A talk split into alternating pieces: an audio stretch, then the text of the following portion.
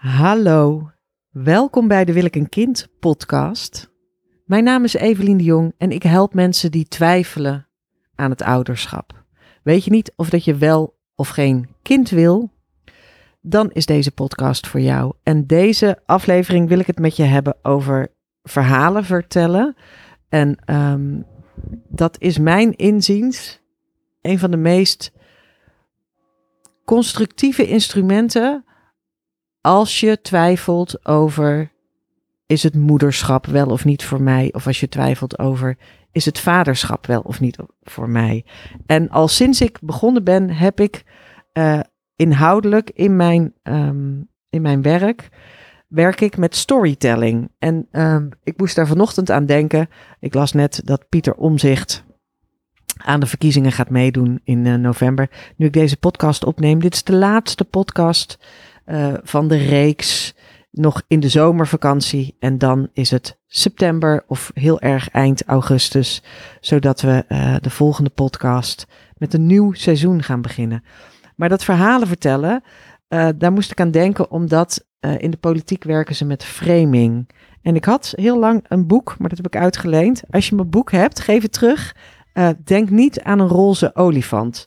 En dat was een boek over framing.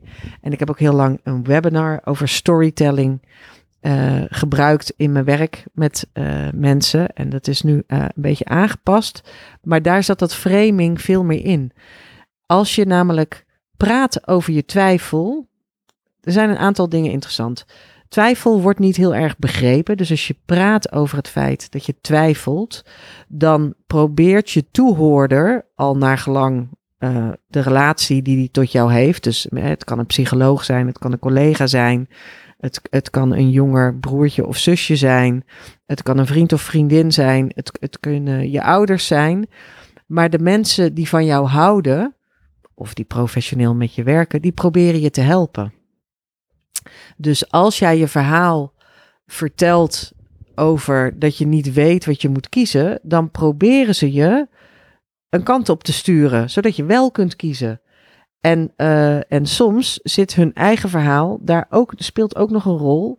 Uh, dus als ze zelf getwijfeld hebben en misschien nog wel twijfelen, ondanks dat ze aan kinderen begonnen zijn, of ondanks dat ze misschien wel niet aan kinderen begonnen zijn, maar als ze die twijfel herkennen en daar nooit mee uh, en dat nooit hebben verweven in hun leven, dan kan het best zijn dat ze daar allergisch voor zijn. Dus dat ze zeggen, ja, daar moet je mee ophouden. Als je twijfelt, dan weet je het niet zeker. Als je het niet zeker weet, dan moet je het niet doen. Laat dan maar zitten. Maar er is dus heel erg weinig ruimte om gewoon te vertellen aan mensen: ik weet het niet, ik twijfel erover, ik ben in dubio. En voor mensen om dan te zeggen: Oh ja, interessant. Want er zitten ook twee kanten aan. En that's it. Niet met een oplossing te komen. En uh, een mooi instrument waar ik ook eens bij ben geweest, dat organiseerde een ex van mij. Ik heb zoveel exen, iedereen. Dus ik, moet denken aan dat uh, liedje van Jentel en de Boer. Uh, Jentel en de Boer. Ik heb een man gekend. En nou, en die, is, die man is dan heel erg goed in. En die legt dan iets uit. En ik heb een ex gehad. Ik heb een man gekend. En die begeleide Socratische gesprekken. En Socratische gesprekken zijn zeker als het gaat over je kinderwens toch ook wel heel interessant. Socratische gesprekken zijn filosofische verkenningen van een onderwerp. Dus wat betekent ouderschap voor jou? Of wat betekent een kind krijgen? Um, uh, het, het, bevallen voor jou? Of wat betekent kind zijn van ouders voor jou? En, en, wanneer is iemand een goede ouder en wanneer is iemand een slechte ouder? De, het Socratisch gesprek dat ik onder begeleiding gevoerd heb, was met een klein clubje. En wat je doet is eigenlijk steeds paden inslaan in het gesprek, waarbij je een idee van iemand over datgene verkent. Ik had het op de NDSM-werf. Daar zitten wij in een kunstenaarskolonie een uh, broedplaats. En daar hadden we een Socratisch gesprek over eigendom. Want wie is eigenaar van de broedplaats? Er is iemand eigenaar van het vastgoed. Dan was het zo dat je binnen in de broedplaats is er, heb je casco afgebouwd. Dus je kreeg een geraamte en dan heb je zelf het gebouw gemaakt. En de materialen van het gebouw zijn dan ook nog van jou. Wij, zaten, eh, wij zitten in de uh, X-helling. Dat is een rijksmonument.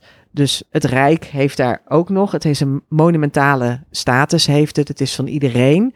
En wanneer is het nou je eigendom? Is zo'n uh, zo'n broedplaats, zo'n, wij hadden de Club X, een geheim clubhuis, een geheim clubhuis voor sympathieke mensen.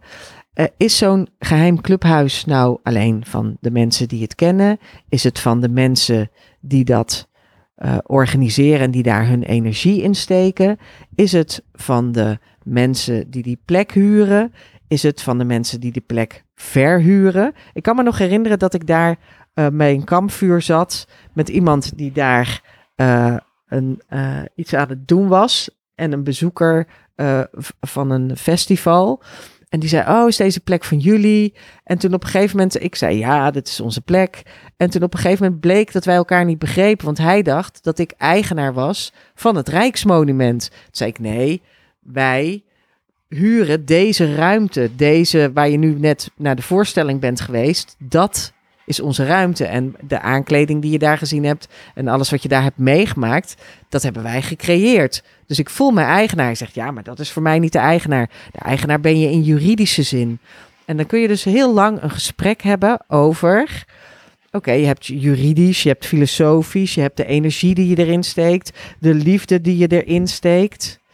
Dus wat betekent zoiets? En dat kun je dus ook, deze filosofische discours, dit filosofische discours, dit filosofische gesprek, kun je dus ook hebben over je kinderwens. En dan is er wel ruimte voor twijfel.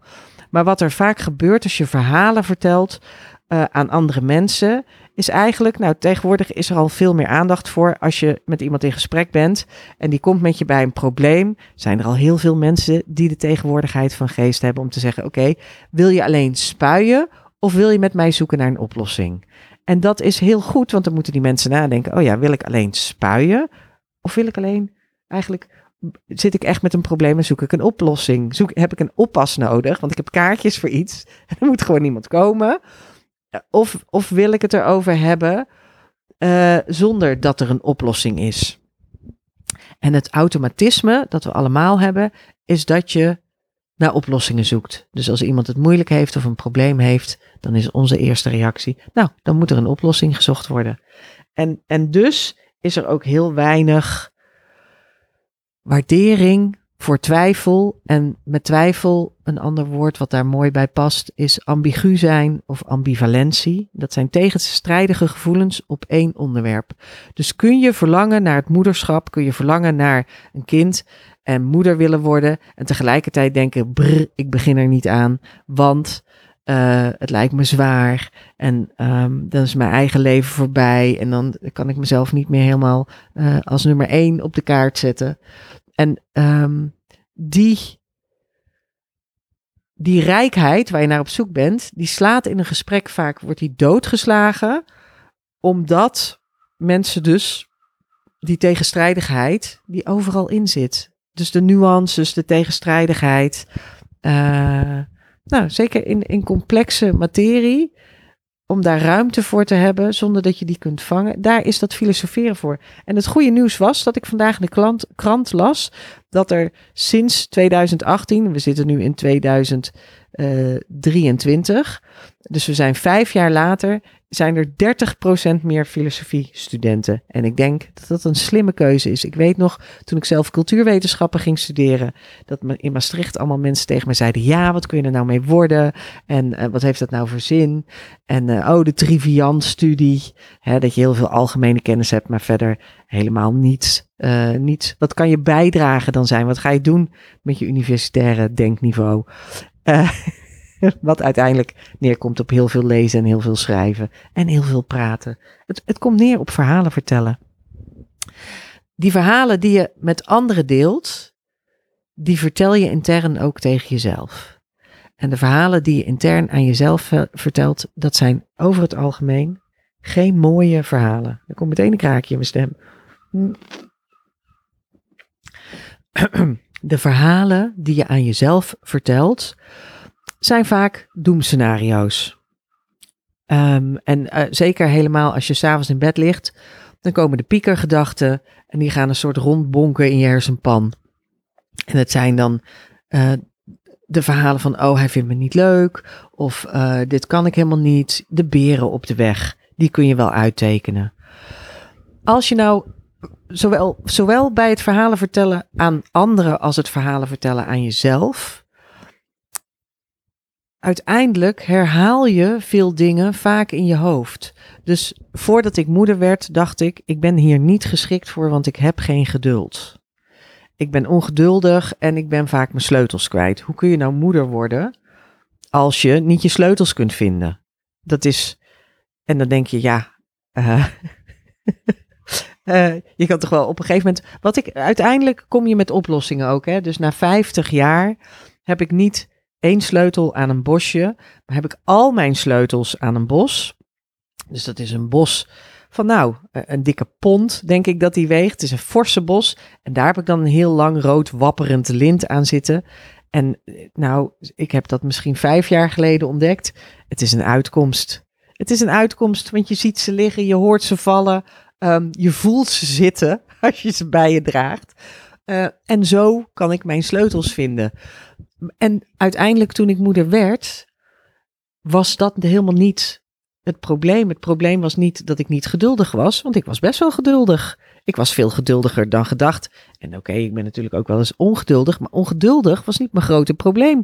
Toen ik kerstverse moeder was, terwijl ik dat van tevoren mezelf wel de verhalen verteld was van. En dat komt ook omdat andere mensen dat tegen mij zeggen. Ja, maar je bent niet, je hebt geen geduld en je bent altijd zo uh, uh, slordig. En je bent snel afgeleid en je bent uh, altijd je sleutels kwijt. Um, niet dat ze zeiden, kun je dat daarom dan dat moederschap wel aan. Maar dat zijn, als je die verhalen over, je, over jezelf hoort en je begint na te denken over een probleem, zijn dat ook de verhalen die omhoog komen van de dingen die je niet kunt. En uiteindelijk, toen ik een kind kreeg, was gek genoeg, was ik vooral heel bang dat het kind iets uh, mankeerde. Of dat het, dus je moest dan, uh, ik had een vriendin die was nog erger. Daar waren we met het kind aan het wandelen en dan zei ze, ademt die nou? En dat je bijna een spiegeltje bij je zou hebben om te kijken of dat er dus, want ze liggen, kunnen dan doodstil liggen. En je wil ze niet wakker prikken, maar je wil wel weten of dat ze het nog doen. Dus hoe kom je daar dan achter? Uiteindelijk was ik heel angstig. Ik was heel angstig dat mijn kind iets zou overkomen. Ik heb ook nooit mijn ramen uh, ver open gehad. Uh, mijn kind mocht nooit op de gang omdat ik bang was dat ze van de trap zou vallen. Ik was zelf een keer van de trap gevallen. Dat is een hele steile, echt zo'n gezellige Amsterdamse steile trap. Dat je gewoon eigenlijk in een vrije val naar beneden. We waren in een, in een, in een glijbanenparadijs op vakantie. En daar heb je glijbanen die dat effect nabootsen. Maar als je het op de trap meemaakt, is het de hel. En uh, ik wilde dus niet, mijn kind mocht niet op de gang. En ze mocht dus ook niet uit het raam. En ik woon nu ook weer vier hoog. Dus ze mag niet in de buurt van de ramen komen. En ik was eigenlijk toen ik hier was, dat doet ze ook helemaal niet. Ze is helemaal niet zo dat ze probeert naar buiten te klimmen. Maar eigenlijk, maar dan moet ik denken aan, um, god hoe heet die muzikant? Nick Cave. Die volgens mij allebei zijn kinderen verloren is. En uh, waarvan eentje van een rots gevallen en ander uit een raam gevallen. Ik weet het niet. In ieder geval, dan zie ik allemaal uit mijn raam. Al die verhalen komen meteen naar boven. En mijn moeder is daar nog banger voor. Ik weet niet of je zit te luisteren, mam, als je dit hoort. Maar dat was het eerste wat ze zei toen ze mijn nieuwe huis zat. Was van nou, weet je wel, levend verbrand, inferno. Terwijl ik kan vanuit hier heel makkelijk naar het dakterras en, uh, en naar het dak van de buren. En um, uh, je moet het raam niet openzetten. En soms belt ze nog wel ineens en dan zegt ze: Heb je de ramen wel dicht? En uh, moet je er niet iets voor zetten? En moet je niet iets zorgen dat ze niet open kunnen, zodat je niet zodat Vesper niet uit het raam valt. Maar die angst, ik begrijp dat. Ik reageer heel geduldig, wat ik dus vroeger nooit had gedacht. Maar ik reageer dus heel geduldig, veel geduldiger dan ik had gedacht. En ik ben dus angstiger, wat een verrassing voor mij was. Want ik heb, mij nooit een, een, ik heb mezelf nooit het verhaal verteld dat ik ergens bang voor ben. Integendeel, mijn, mijn verhaal was dappere dodo. Dus ik wist van tevoren helemaal niet dat dit iets was dat je kon overkomen als ouder. En je hebt dus geen idee? Je hebt ook ouders die er helemaal geen last van hebben. Over die verhalen en over die framing, waarom ik framing nog even wil aanhalen, is dat doen ze in de politiek heel erg, maar je doet het ook als je dingen wil verkopen. Het is een vaste rubriek ook in de Volkskrant, denk ik, over hoe dingen geframed worden. In de Volkskrant of NRC. Het is een heel interessante rubriek, want dan zie je dus dat woorden zoveel verschil maken. En ehm, heel belangrijk, als je het heel specifiek voor de kinderwens, als jij verdrietig bent en je wil, omdat, het, omdat je het niet weet of omdat het niet zomaar lukt, omdat je hè, niet in de omstandigheden bent om vanzelf een kind te krijgen en je bent daar verdrietig over en je wil daar met iemand over praten, dan moet je bedenken, wie kan mij goed troosten? En dan kan je praten over de pijn en dan kan iemand je troosten. Maar als je heel verdrietig bent en je komt iemand tegen die helemaal niet goed in staat is om jou te troosten en van wie je eigenlijk gewoon vooral respect wil, dan kun je dus niet je pijn laten zien en, uh, en, en niet hetzelfde verhaal vertellen. Dus in, bij de framing is het zo dat als je bijvoorbeeld wil dat mensen um, criminelen. Je kunt of pleiten voor strenger straffen en dan zeg je criminaliteit, criminelen zijn monsters. Dan maak je de monstervergelijking.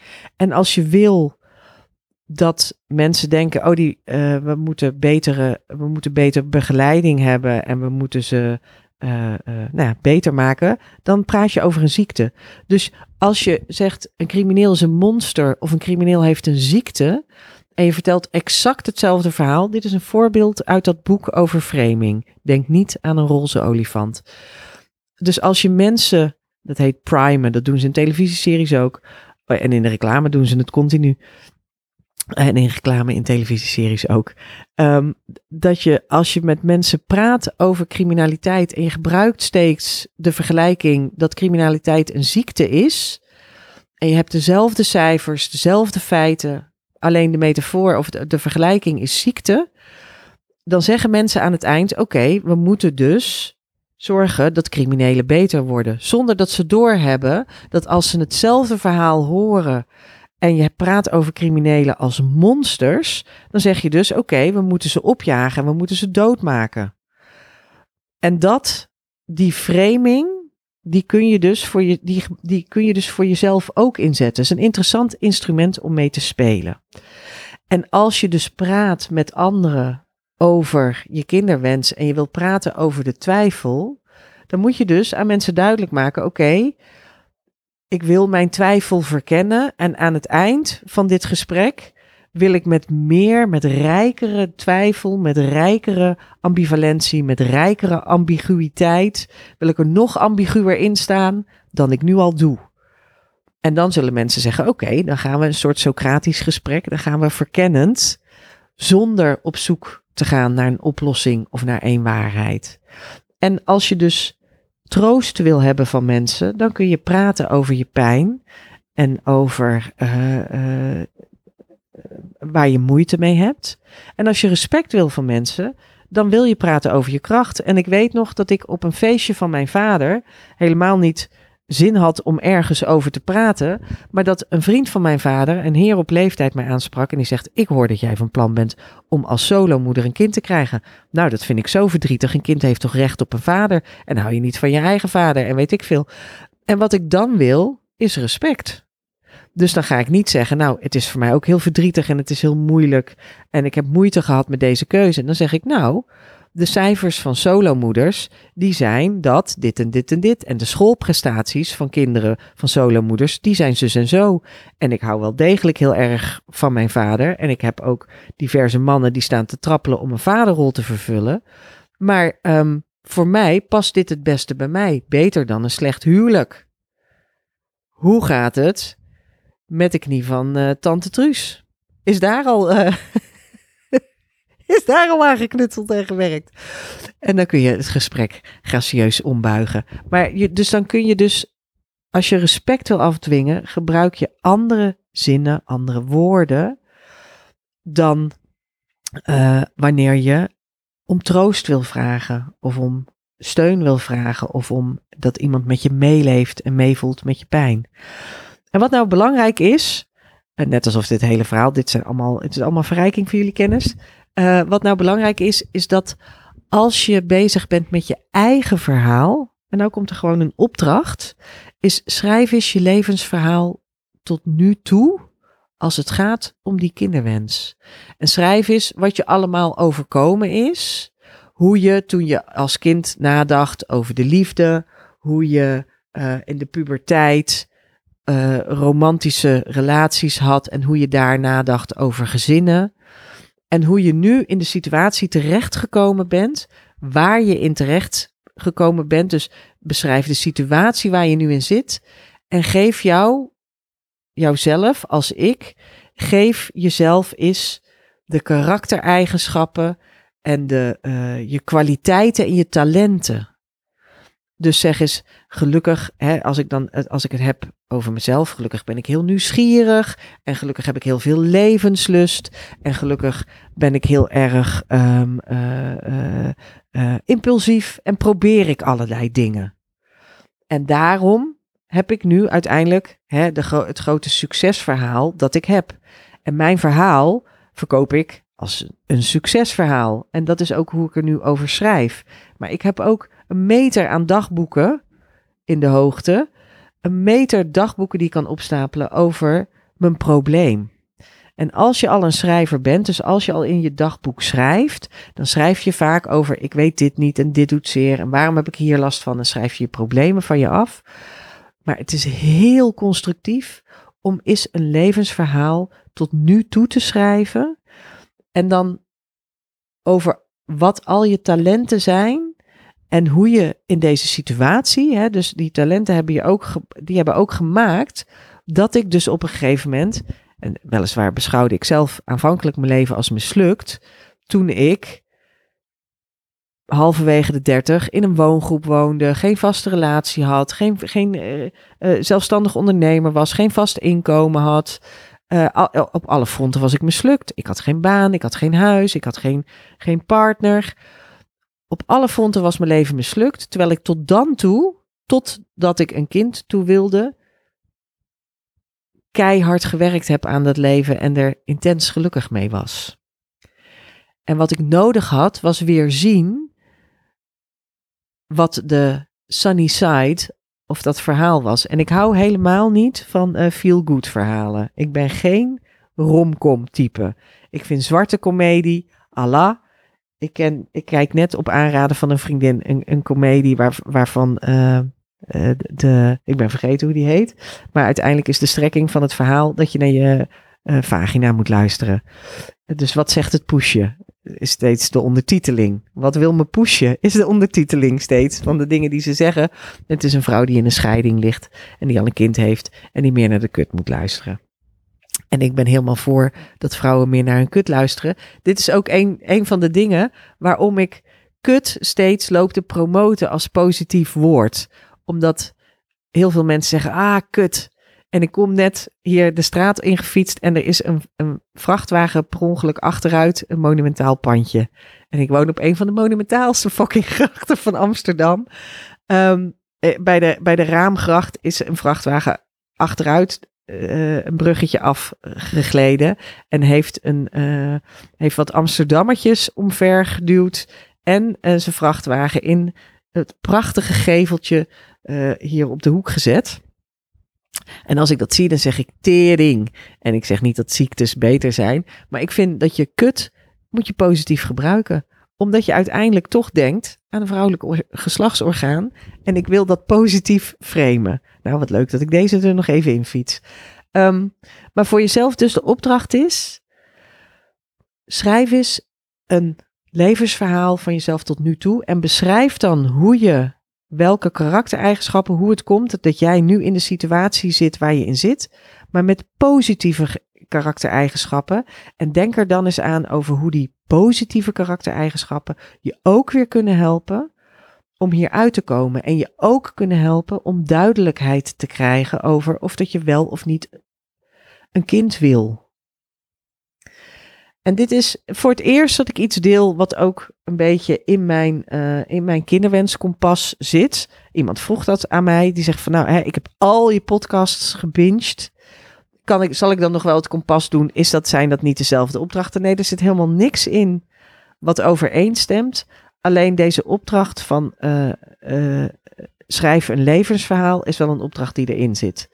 Alleen ja, de bouwblokken van, uh, die je daarin meeneemt zijn dan weer hele andere dan die ik net zei. Maar ik bedacht me opeens dat dit al veel beter is. Ook omdat ik net struikel over die meter aan dagboeken. En dat ik denk, oh ja, wat een gejeremieer en wat een... Ja, wat, wat schrijf je eigenlijk? Ik, ik gebruik dagboeken ook heel erg om mijn gedachten te ordenen, maar dan gedachten rondom problemen. En dan niet eens als filosofische verkenning van de twijfel. En ik dacht, ja, maar dat moeten mensen wel meer doen als ze aan het twijfelen zijn. Dat gewoon nog even omarmen. En als je dan kijkt naar hoe kom je hier uit, dan zit dat uiteindelijk aan dingen die jou uniek, die uniek zijn voor jouw persoonlijkheid. En dat gaat je helpen. Nou, um, tot de volgende podcast. En dan beginnen we aan een nieuw seizoen. En uh, ja, voor mij is dan gewoon ook echt weer. In september begint voor mij altijd het nieuwe jaar. Dan begint mijn uh, ondernemend jaar, het academisch jaar. Uh, dus oud en nieuw is een leuk feestje ergens in het begin. Maar het nieuwe jaar begint in september. En nou, heel veel succes bij het schrijven van je levensverhaal.